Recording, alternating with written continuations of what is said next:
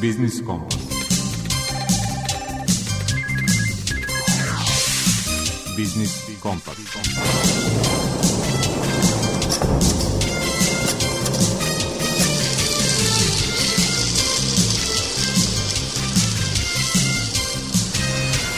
Pred mikrofonom je Đuro Vukelić. Dobar dan, poštovani slušalci. Vreme je za biznis kompas i u danima i nedeljama koji nisu najnaklonjeniji ekonomiji. Da kako ako izuzmemo proizvođače i prodavce oružja. To je tema za drugu, mnogo dužu priču, a mi ćemo se pozabaviti onim bližim svakodnevnom životu, poput cena goriva, na primjer. U rubrici aktuelno dve teme. Prva se odnosi na cene i snabdevanje naftnim derivatima. U najkraćem, prodavci derivata tvrde da je nestašica pojedinih vrsta derivata privremena, dok im je cena i dalje jednačina sa više nepoznatih. Druga tema u rubrici Aktualno bavi se efektima i planovima digitalizacije, a sagovornik nam je direktorka novoformiranog Centra za četvrtu industrijsku revoluciju Jelena Bojović. Javna ulaganja su poslednjih godina važan oslonac u rastu bruto domaćeg proizvoda Srbije. O tome u rubrici iz mog ugla govori član predsedništva Saveza ekonomista Srbije Vladimir Vučković. U rubrici Svet preduzetništva podsekretar u Pokrajinskom sekretarijatu za privredu i turizam Slavoljub Arsenijević najavljuje sajam preduzetništva i starih zanata koji će se 21. i 22. ovog meseca održati na Novosadskom sajmu. Tema rubrike Predmet financije i izlaganja Marka Vjedova iz Narodne banke Srbije je razlika između finansijskog i operativnog leasinga. Danas je Svetski dan zaštite potrošača. O tome kako zaštita potrošača funkcioniše u našoj zemlji govorit će pravni savjetnik u Udruženju potrošača Vojvodine Mladen Alfirović.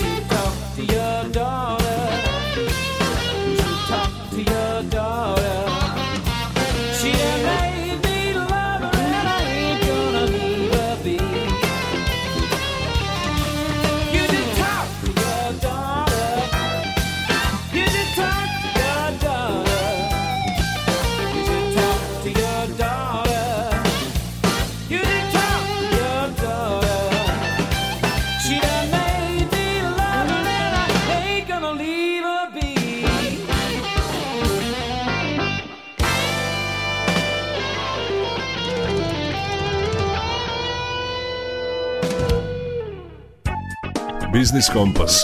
Aktualno.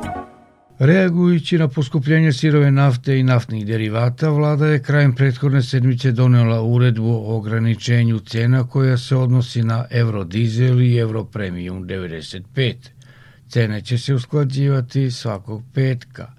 Uprkos tome, situacija sa maloprodajnim cenama naftnih derivata i nije najjasnija, tvrdi vlasnica kompanije Radun Avija Jelena Radun. Određena je nova maloprodajna cena fiksirana je i to je jedino što je potpuno fiksirano i sigurno.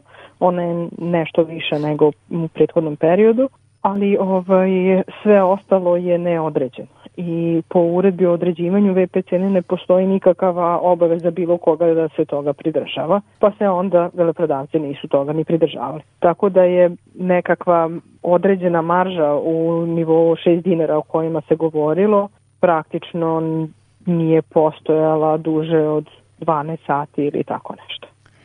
Da li će se to odraziti na vaše poslovanje? I, i tekako, naravno, zato što u situaciji kada su nam marže ili negativne ili vrlo, vrlo male, imamo ogroman problem sa troškovima koji su fiksni. Mi nećemo otpuštati ljude odmah zato što ne zarađujemo dovoljno, nego ćemo plaćivati te plate, a i, i dalje se raz, razmišljamo odakle.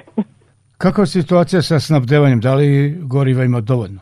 U suštini e, logistički osnabdevanje i dalje pomalo otežano zato što zbog ogromnih navale koja se desila u prethodnoj nedelji i dalje imamo logističke čepove kod Nisa i isporuke su u manjem intenzitetu nego što su bile ranije, što je do jedne mere normalno jer su oni imali zajedno sa nama, ali oni posebno svoje pumpe potpuno ovaj, da kažem ispražnjene i sada to treba nadoknaditi. Ali to svima nama onda dalje stvara problem. Imali smo situacije, naročito na, na poljoprivrednim ograncima gde su i manje pumpe, manje rezervoari, u onoj prvoj panici ti rezervoari su ispražnjeni i mnogi od njih još uvek nismo došli na red da ih napunimo. Robe, po rečima dobavljača, ja verujem, nis, ne, niti preti, niti, ovaj, niti pominje da neće isporučiti i stvarno oni su firma koja se stvarno držala ugovora, samo je sada pitanje dinamike. Tako da da, ima zastoja u isporuci, ali robe ima. Istina je da su i mnogi kupili dosta veće zalihe sad u prethodnom periodu, pa sada prodaja više nije tako visoka, ali dešava se da još uvek na mnogim pumpama nemamo eurodizela zato što je u onom naletu one su ispražnjene. Dakle, kako su cene uticale na obim prodaje goriva? Reko ste, uticale su na obim prodaje i ranije stvaranje zaliha. Ono što je dodatno oborilo cene je na pumpama gde nemamo, gde, gde, gde nema dizela, to jest bolje da kažem i tamo gde ima dizela, premium dizeli koji nisu na ograničenju se značajno manje prodaju jer je cena mnogo viša, a zapravo realnija. I u tom smislu se dešava da je prodaja do jedne mere opada. Iskreno vam kažem, bio je i vikend, pa je sada vrlo teško proceniti šta je od vikenda, a šta je od cena, ali definitivno skuplje derivate se potrošači teže odlučuju sve dok ima goriva po ograničenim cenama. Njih ne zanima da mi to kupujemo po nižoj ili po višoj ceni, oni će naravno kupiti jeftinije ako su u prilici. Naša sagovornica bila je Jelena Radun, vlasnica kompanije Radonavija. Jelena, hvala za razgovor. Hvala najlepše. Thank you.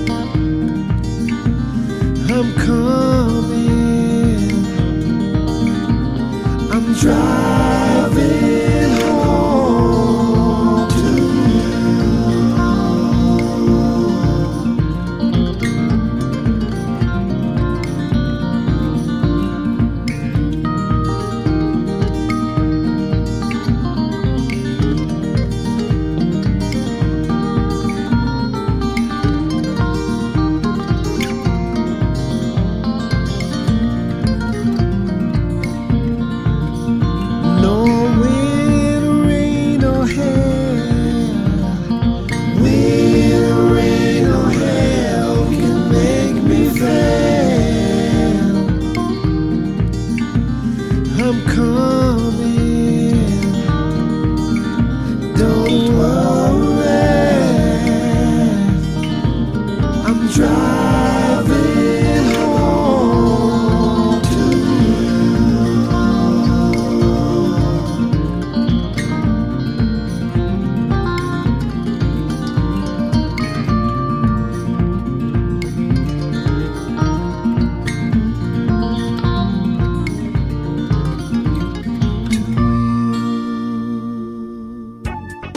Biznis Kompas. Aktualno. Evropska banka za obnovu i razvoj objavila je ovih dana izveštaj koji ukazuje na sve veće podele u razvijenosti između zemalja koje napreduju digitalizaciji i onih koje tapkaju u mestu. Polazeći od zaključaka IBRD-a da je prevazilaženje ovih razlika od vitalnog značaja za dalji napredak tih privreda, direktorku novoformiranog centra za četvrtu industrijsku revoluciju Jelenu Bojović, pitali smo šta je do sada učinjeno u digitalizaciji javne uprave u Srbiji, kakvi su efekti, a kakvi planovi za budućnost. Pokrenuto je veliki broj elektronskih usluga, pre svega za građane, ali sve ih je više i za privredu. Neki od karakterističnih jesu elektronsko registracija, na primjer, sezonskih radnika u poljoprivredi, uspostavljanje sistema za građevinske dozvole, unapređenja koje su se u katastru, pre svega kada kupujete i prodajete nepokretnost ili je nasleđujete, znači u novim postupcima pred katastrom. Dakle, urađeni su neki, neki veliki pokreti. Ono što je sledeće neophodno jeste da pre svega i sami građani i privreda se naviknu na ove nove elektronske servise, da moramo, moramo nekako svi zajedno da prihvatimo da je elektronska usluga ono što je budućnost i da mora da bude e, obavezna, a ne da imamo paralelno i analognu i digitalnu i da je to pravi put ka budućoj digitalizaciji Srbije jer je budućnost u podacima i budućnost ekonomije u podacima, dakle kad tek kada sve iz papira pretvorimo u digitalno i kada krenemo da koristimo te podatke, stvorit će se neka nova vrednost, odnosno neka nova ekonomija zasnovana na podacima. Kakvi su efekti i kolike su uštede postignute do sada u digitalizaciji u Srbiji? Svakodnevno se postižu milionske uštede, mi smo ranije radili po različitim um, servisima, po različitim uslugama, samo neke koje su u domenu zdravstva štede 80 godina građanima šetanja po različitim šalterima, znači kao što na primjer e-uput kao jedna od usluga koja će drastično promeniti i kvalitet života samih građana, ali i učiniti uštede što u njihovim danima, vremenu provedenom na šalteru, to je u finansijske e, uštede u smislu gubljenja novca dok šetaju od različitog šaltera do šaltera. Čini se da će fokus u daljnjoj digitalizaciji javne uprave biti na, upravo na zdravstvu. Jeste, neka budućnost kako Srbija i Srpska vlada vidi dalji razvoj, jeste taj razvoj biotehnologije, biomedicine i korišćenje novih tehnologija upravo u razvoju biomedicine i e, upravo u tom pravcu idu i svi servisi koji se dalje unapređuju u samom zdravstvu, znači radi se na e, sprovođenju programa koji je tek usvojen program digitalizacije zdravstva i zajedno s njim stvarat će se neka nova vrednost kroz podatke o pacijentima, jedinstveni elektronski zdravstveni karton je pokrenut, a kreće se i u novi projekat, a to je Banka Gena Srbije, gde će postati podaci o genskim sekvencama koji će se kasnije, znači, kao, kao što rekao, koristiti i u ekonomiji, u smislu personalizovane medicine, razvoja farmacije i razvoja dalje javne usluge, odnosno kvaliteta zdravstva u Srbiji. I gde smo zapravo procesu digitalizacije u odnosu na zemlje regiona i šire? Mm, mislim da smo u odnosu na region na zaista dobrom mestu, znači prednjačimo, odnosno mi smo ti na koje se ugledaju e, drugi. Dala sam malo pre primer e, elektronskog sistema za registraciju sezonskih radnika, to je nešto gde sada druge zemlje od nas kopiraju e, takve sisteme. Mi smo u početku koristili iskustva drugih, na primjer od Makedonije uzimali sistem za građevinske dozvole, onda smo uspeli da, da kažem, prevaziđemo svog, svog učitelja i sada sistem naš za građevinske dozvole preuzimaju drugi tipa u Crnoj Gori, e, Bosni i drugim zemljama. Hvala za različite.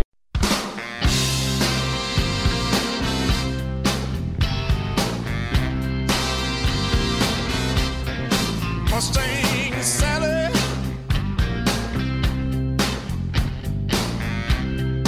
Guess you better slow your Mustang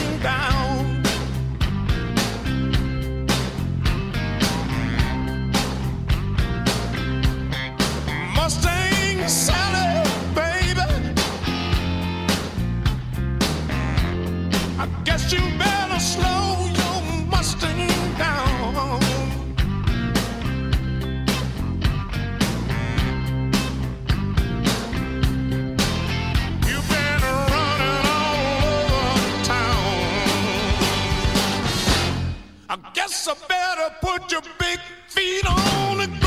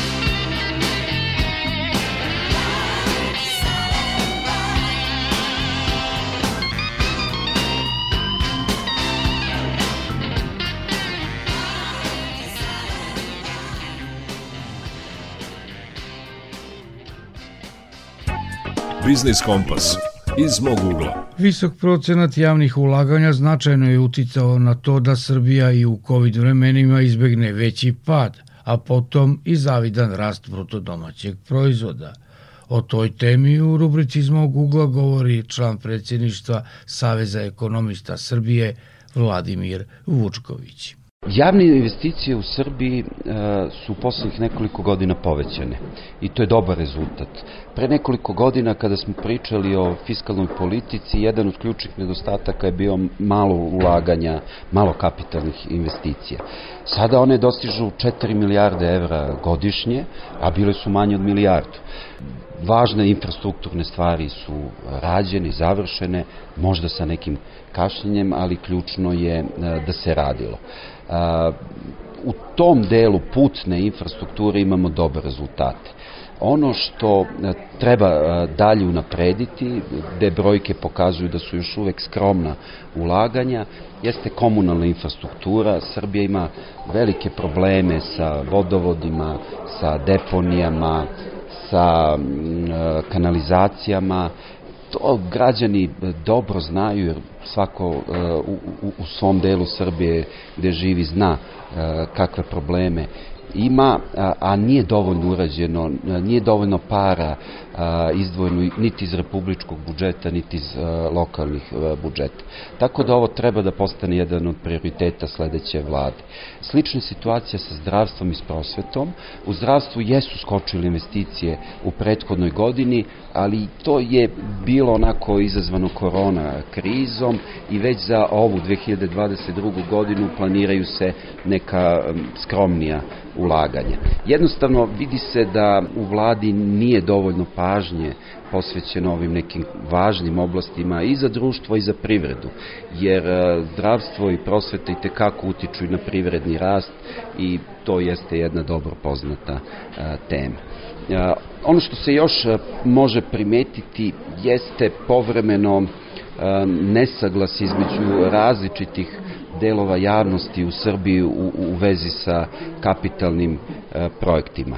Tu bi bilo dobro da vlada e, analize koje ima saopštava građanima. E, mi smo u situaciji da za mnoge važne i skupe projekte čujemo nešto na televiziji, a kada se postavi pitanje zašto baš ta deonica puta ili zašto nacionalni stadion ili ta linija metro, sve jedno, da nemamo prave odgovore. Dakle, da bismo mi kao javnost podržali te važne stvari za Republiku Srbiju, bilo bi dobro da vlada saopštava na osnovu čega je donela svoje odluke. Zašto je nešto proglašeno prioritetom i zašto se baš odvija na taj način. To bi bilo jako važno jer bi se smirili ti pritisci i e, te i povremene svađe i nesuglasice koje zapravo mogu i da otežaju sprovođenje e, kapitalnih projekata. Dakle, javne investicije jesu povećane, važno bi bilo da se u sledećim godinama zadrže na e, visokom nivou, one su važne za privredni rast. Ono što smo imali u prethodne dve godine, a to je da Srbija uprkos krizi ima dobre rezultate vrlo dobre rezultati u evropskim okvirima, delom je proisteklo iz toga što smo imali visoke javne investicije. Tako da je te, ta teza dokazana i zaista bi u budućnosti bilo važno da budžet e, usmerava jednaka sredstva za kapitalne investicije.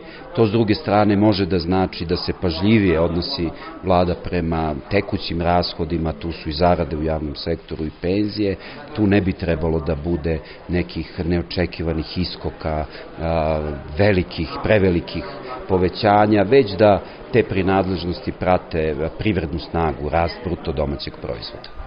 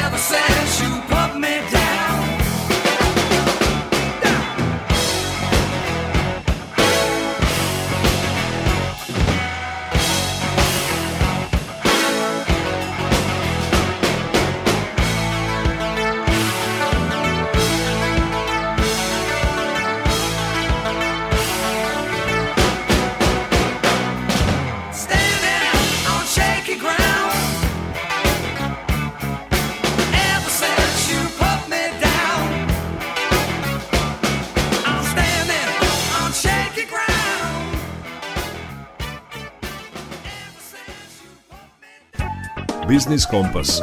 Svet preduzetništva. Na Novosadskom sajmu će 21. i 22. ovog meseca biti održan sajam preduzetništva i starih zanata. Su organizatori i pokrovitelj je pokrenjski sekretarijat za privredu i turizam. Vršioca dužnosti podsekretara Slavoljub Arsenijevića pitali smo šta je motiv, a šta sadržina te sajamske priredbe. Posle COVID vremena koje je iza nas, mi smo prošle godine napravili online sajam i pokazalo se da postoje zainteresovanost preduzetnika i svih ostalih činilaca koji su tu da se napravi jedan skup tu njihovu zainteresovanost su pokazali su i na sajmu poljoprivrede gde smo i mi takođe prošle godine ustupili jedan prostor na našim štandovima kako bi se predstavili na najvećoj sajamskoj priredbi u Novom Sadu. Tako da nekako prirodni sled dešavanja jeste taj da smo im napravili i pravi sajam.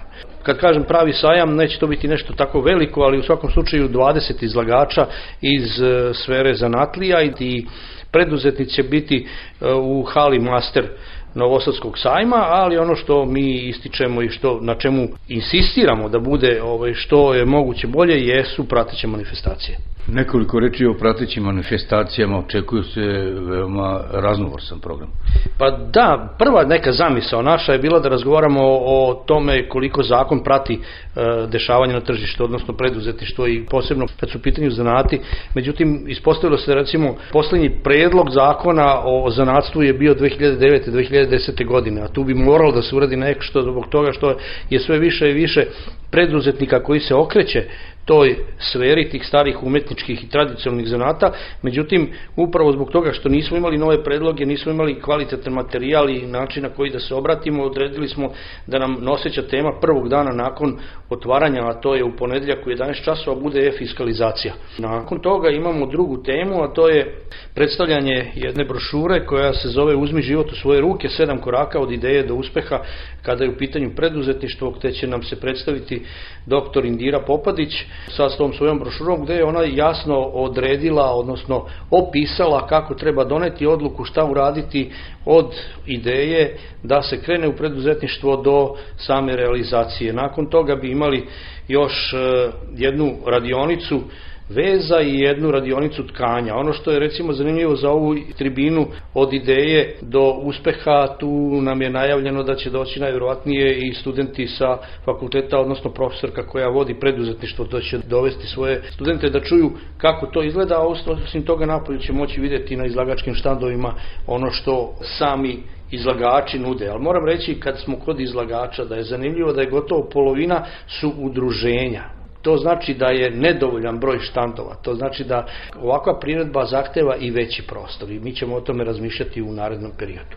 A što se tiče drugog dana, imat ćemo e, na prvoj sesiji priču o finansijskoj podršci za preduzetnike gde ćemo imati i garancijski fond i razvojni fond Vojvodine i konkurse sa koje daje naš sekretarijat, koje daje ministarstvo za privredu i turizam, znači sve ono odakle se mogu i evropski fondovi, na koji način doći do evropskih fondova za ove namene. Jednostavno to će biti tema prve sesije, druga će biti brendiranje i zaštite intelektualne svojine, jer smo u principu shvatili da postoji značajan broj ljudi koji želi da uđe u preduzetništvo, međutim nakon otvaranja firme veoma često nemaju jasne upute kako šta gde ići, zbog toga smo se opredelili da im damo i taj segment kako e, formirati organizaciju, odnosno preduzetničku radnju, kako brendirati je, kako zaštititi ako postoji određeni e, proizvod i šta dalje na tržištu sa njim. Tu će nam biti brojni gosti, što sa fakulteta, što sa, recimo, kod ovoga brendiranje, o brendiranju će govoriti predstavnica noćnog bazara koja je od jedne faktički pomerene večernje pijace u Novom Sadu napravila sada brend koji ide po svim gradovima i poslednja radionica za taj dan je o zanatima gde želimo da pojasnimo razliku među kreativnih, starih, tradicionalnih i umetničkih zanata. Pošto se pojavljuju različiti konkursi, recimo kod e, u institucijama koje se bave kulturom, oni, oni finansiraju umetničke zanate. Mi finansiramo delimično stare zanate, delimično tradicionalne.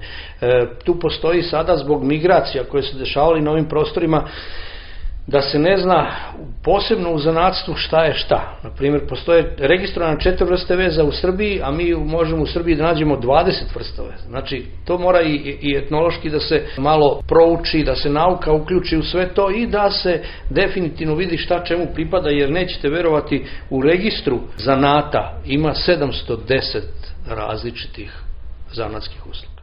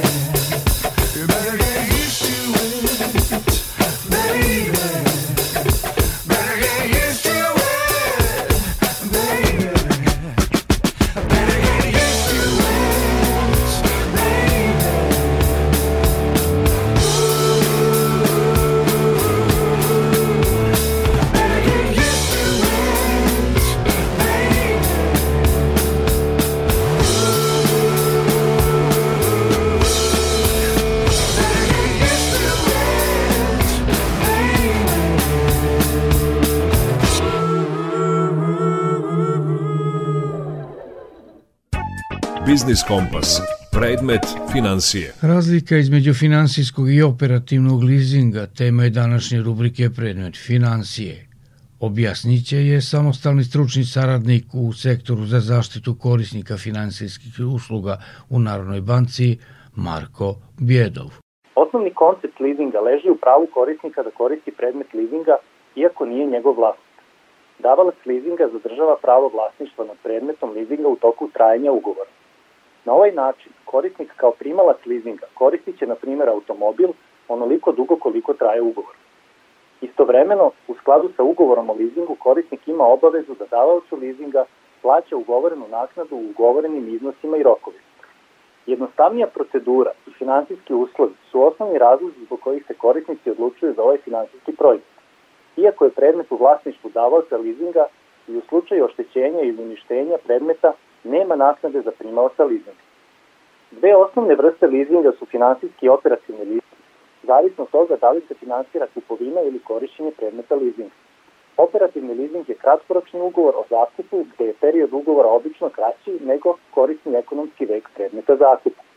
Nakon isteka ugovora o zakupu, predmet leasinga se vraća davaocu, finansijski leasing podrazumeva da nakon isteka ugovora korisnik finansijskog leasinga postaje vlasnik predmeta ukoliko je tako naznačeno i u ugovoru.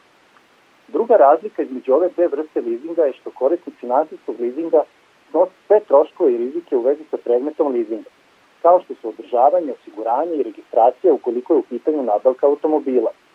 Dok kod operativnog leasinga održavanje i servisiranje predmeta zakupa obično plaća zakupodavac, odnosno davalac leasinga budući da je reč o zakupu. Narodna banka Srbije vrši nadzor nad poslovanjem davalaca finansijskog leasinga, izdaje dozvole za obavljanje poslova finansijskog leasinga, daje saglasnost na imenovanje organa upravljanje davalaca finansijskog leasinga i preduzima korektivne mere prema davalcima leasinga u slučajevima kada se nadzorom utvrde nepravilnosti u njihovom poslovanju.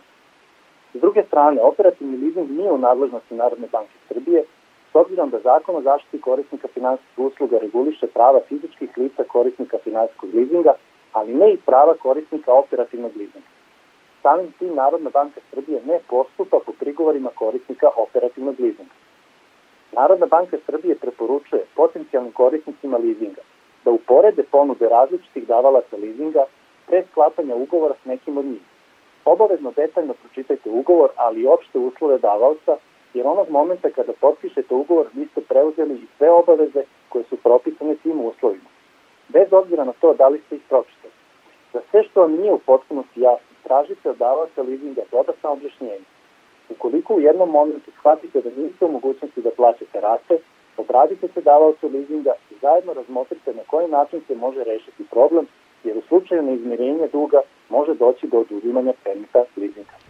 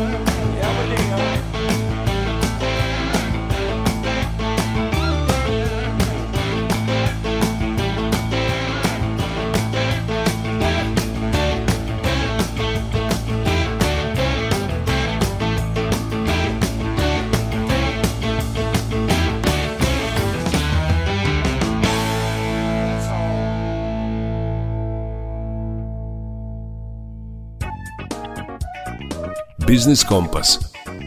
Potrošačka korpa prava. Svetski dan potrošača 15. mart prilika je da se i u rubrici Potrošačka korpa prava upoznamo ili podsjetimo na način kako je ta oblast normativno i praktično uređena u našoj zemlji. O tome govori pravni savjetnik u Udruženju potrošača Vojvodine Mladen Alfirović. Glavna kontakt tačka je nadležno ministarstvo trgovine koje je nadležno i za politiku zaštite potrošača i za strategiju i za sve druge akte i naravno tu su i ostali činioci nadležne inspekcije na prvom mestu tržišna, poljoprivredna i veterinarska koje se bave analizom i kvalitetom hrane na osnovu zakona o bezbednosti hrane i slično. I ono što je možda najvažnije za prosečnog potrošača u Srbiji jeste kako njega sistem štiti i šta on može da preduzme ako je nezadovoljan nekom robom, ako mu je odbijena reklamacija, ako ima bilo kakvo pitanje, informaciju, ako se našao u nekoj nezavidnoj situaciji u smislu da smatra da ga je neki trgovac e, prevario, da ako se brine za to kakvu hranu jede, kakve komunalne usluge koristi, da li se one odgovarajuće kvaliteta. Dakle, na prvom mestu imamo ovaj centralni propis zakona o zaštiti potrošača koji u svojim osnovnim načelima kaže da je on takozvani lex specialis. To znači da je zakon koji posebno uređuje ovu oblast i da se drugi neki propisi mogu primeniti samo ako pružaju veći obim zaštite potrošačima u toj nekoj situaciji u odnosu na krovni zakon, odnosno zakon o zaštiti potrošača. Prvi modern zakon smo usvojili 2010. godine, nakon toga je bio novi zakon 2014. i decembra meseca prošle godine smo usvojili i treći zakon o zaštiti potrošača koji bi trebao da sve ono što nas protekli godina nije bilo u skladu sa, sa nekim uh, evropskim direktivama i neke stvari koje nismo uspeli da sredimo na tržištu, on, on bi trebao sad sa početkom primene da i ta pitanja uh, brojne reši.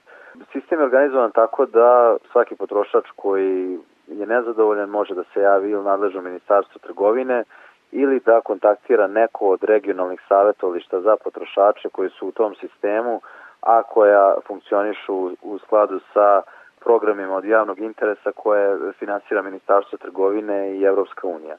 Dakle, za region Vojvodine to je naša organizacija Udruženje potrošača Vojvodine, imamo još jedno udruženje Prosperitet, za region Beograda tu imamo tri potrošačke organizacije, za region centralne i zapadne Srbije imamo organizaciju potrošača Kragujevca i za region istočne i južne Srbije sa centralom u Nišu takođe imamo regionalno savjetovalište. U regionalnim savjetovalištima rade na prvom mestu pravnici, iskusni, koji se više godina bave e, zaštitom potrošača i koji zapravo imaju znanje i iskustvo da svakom potrošaču koji se javi bilo putem telefona, putem maila, putem društvenih mreža, mogu da odgovore, mogu da ga upute šta da radi, koji je način da on e, zaštiti svoja prava. Dakle, e, pored nadležnog ministarstva, osnovna kontakt tačka su i ta e, takozvana regionalna savjetovališta za potrošače, gde potrošači mogu dobiti sve neophodne informacije, savete i ukoliko se ispostavi kao neophodno čak i pravnu pomoć u slučaju da žele da pokrene neki, neki sudski postupak, odnosno da nisu na drugi način uspeli da, da reše svoj problem.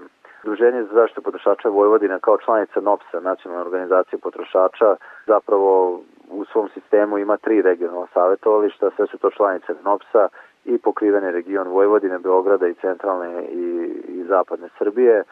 E, takođe mi imamo elektronsku bazu prigovora gde se prati svaki prigovor, sve se evidentira i bukvalno na dva klika možemo da dobijemo informaciju na šta se potrošači najviše žale, šta su njihovi najveći problemi, koji trgovci najčešće krše zakon i ta se statistika se zapravo koristi za predlaganje nekih mera i koraka u smislu šta treba unaprediti u sistemu zaštite potrošača i kako reagovati da bi ti propisi i zakoni bili što bolji i da bi nas što bolje štitili sve kao potrošače. Takođe naša organizacija učestvuje u brojnim radnim grupama za izmene i dopune zakona i putem nekog institucionalnog djelovanja se trudimo da doprinesemo da ceo sistem bude bolji i da potrošači imaju veći veći obim zaštite. Pravni tim je tu da zatraži neku dodatnu dokumentaciju ukoliko smatra da je to neophodno i na osnovu analize te dokumentacije se odlučuje u daljim koracima, odnosno da li će potrošač biti e, po samo posavetovan, da li će on biti upućen da se javi nakon nadležne inspekcije, da li će udruženje reagovati, podneti prijavu inspekciji ili će potrošač biti upućen na sudsko rešavanje. U najvećem broju slučajeva potrošačke organizacije uspeju da reše probleme tako što kontaktiraju trgovca, ukažu da, da je učinio neki propust i to se reši u, u korist potrošača. Naravno ima i onih situacija kada su trgovci prosto nesavesni, kada odbijaju da, da postupe po opravdanim zahtevima pravnog tima i onda u takvim situacijama se ili taj slučaj prijavljuje nadležnoj inspekciji ili se problem rešava putem suda. Ono što je novina u ovom novom zakonu koji stupio na snagu jeste i to van sudsko rešavanje potrošačkih sporova od, od kog se mnogo očekuje, zato što je ministarstvo u, u zakonu propisalo da će trgovci koji odbiju reklamaciju, a potrošač želi da pokrene e, slučaj pred telom za van sudsko rešavanje, biti obavezi da učestvuje u tom postupku i na taj način se zapravo želi da, da ti neki sporovi između potrošača i trgovaca se reše brže i efikasnije, da nema upliva sudskih organa i da to bude nekako mnogo ekonomičnije, da se uštedi i vreme i novac i da se što je manje moguće ide na sud. Na kraju smo poslednjeg izdanja Biznis Kompasa u kalendarskoj zimi. Do sledećeg utorka pozdravljaju vas muzički urednik Zoran Gajinov, ton majstor Jovan Gajić i urednik emisije Đuro Vukelić. Slušajte nas odloženo na internet stranici Radio Televizije Vojvodine, podcastu Odloženo slušanje. Zdravi bili i čuvajte se. I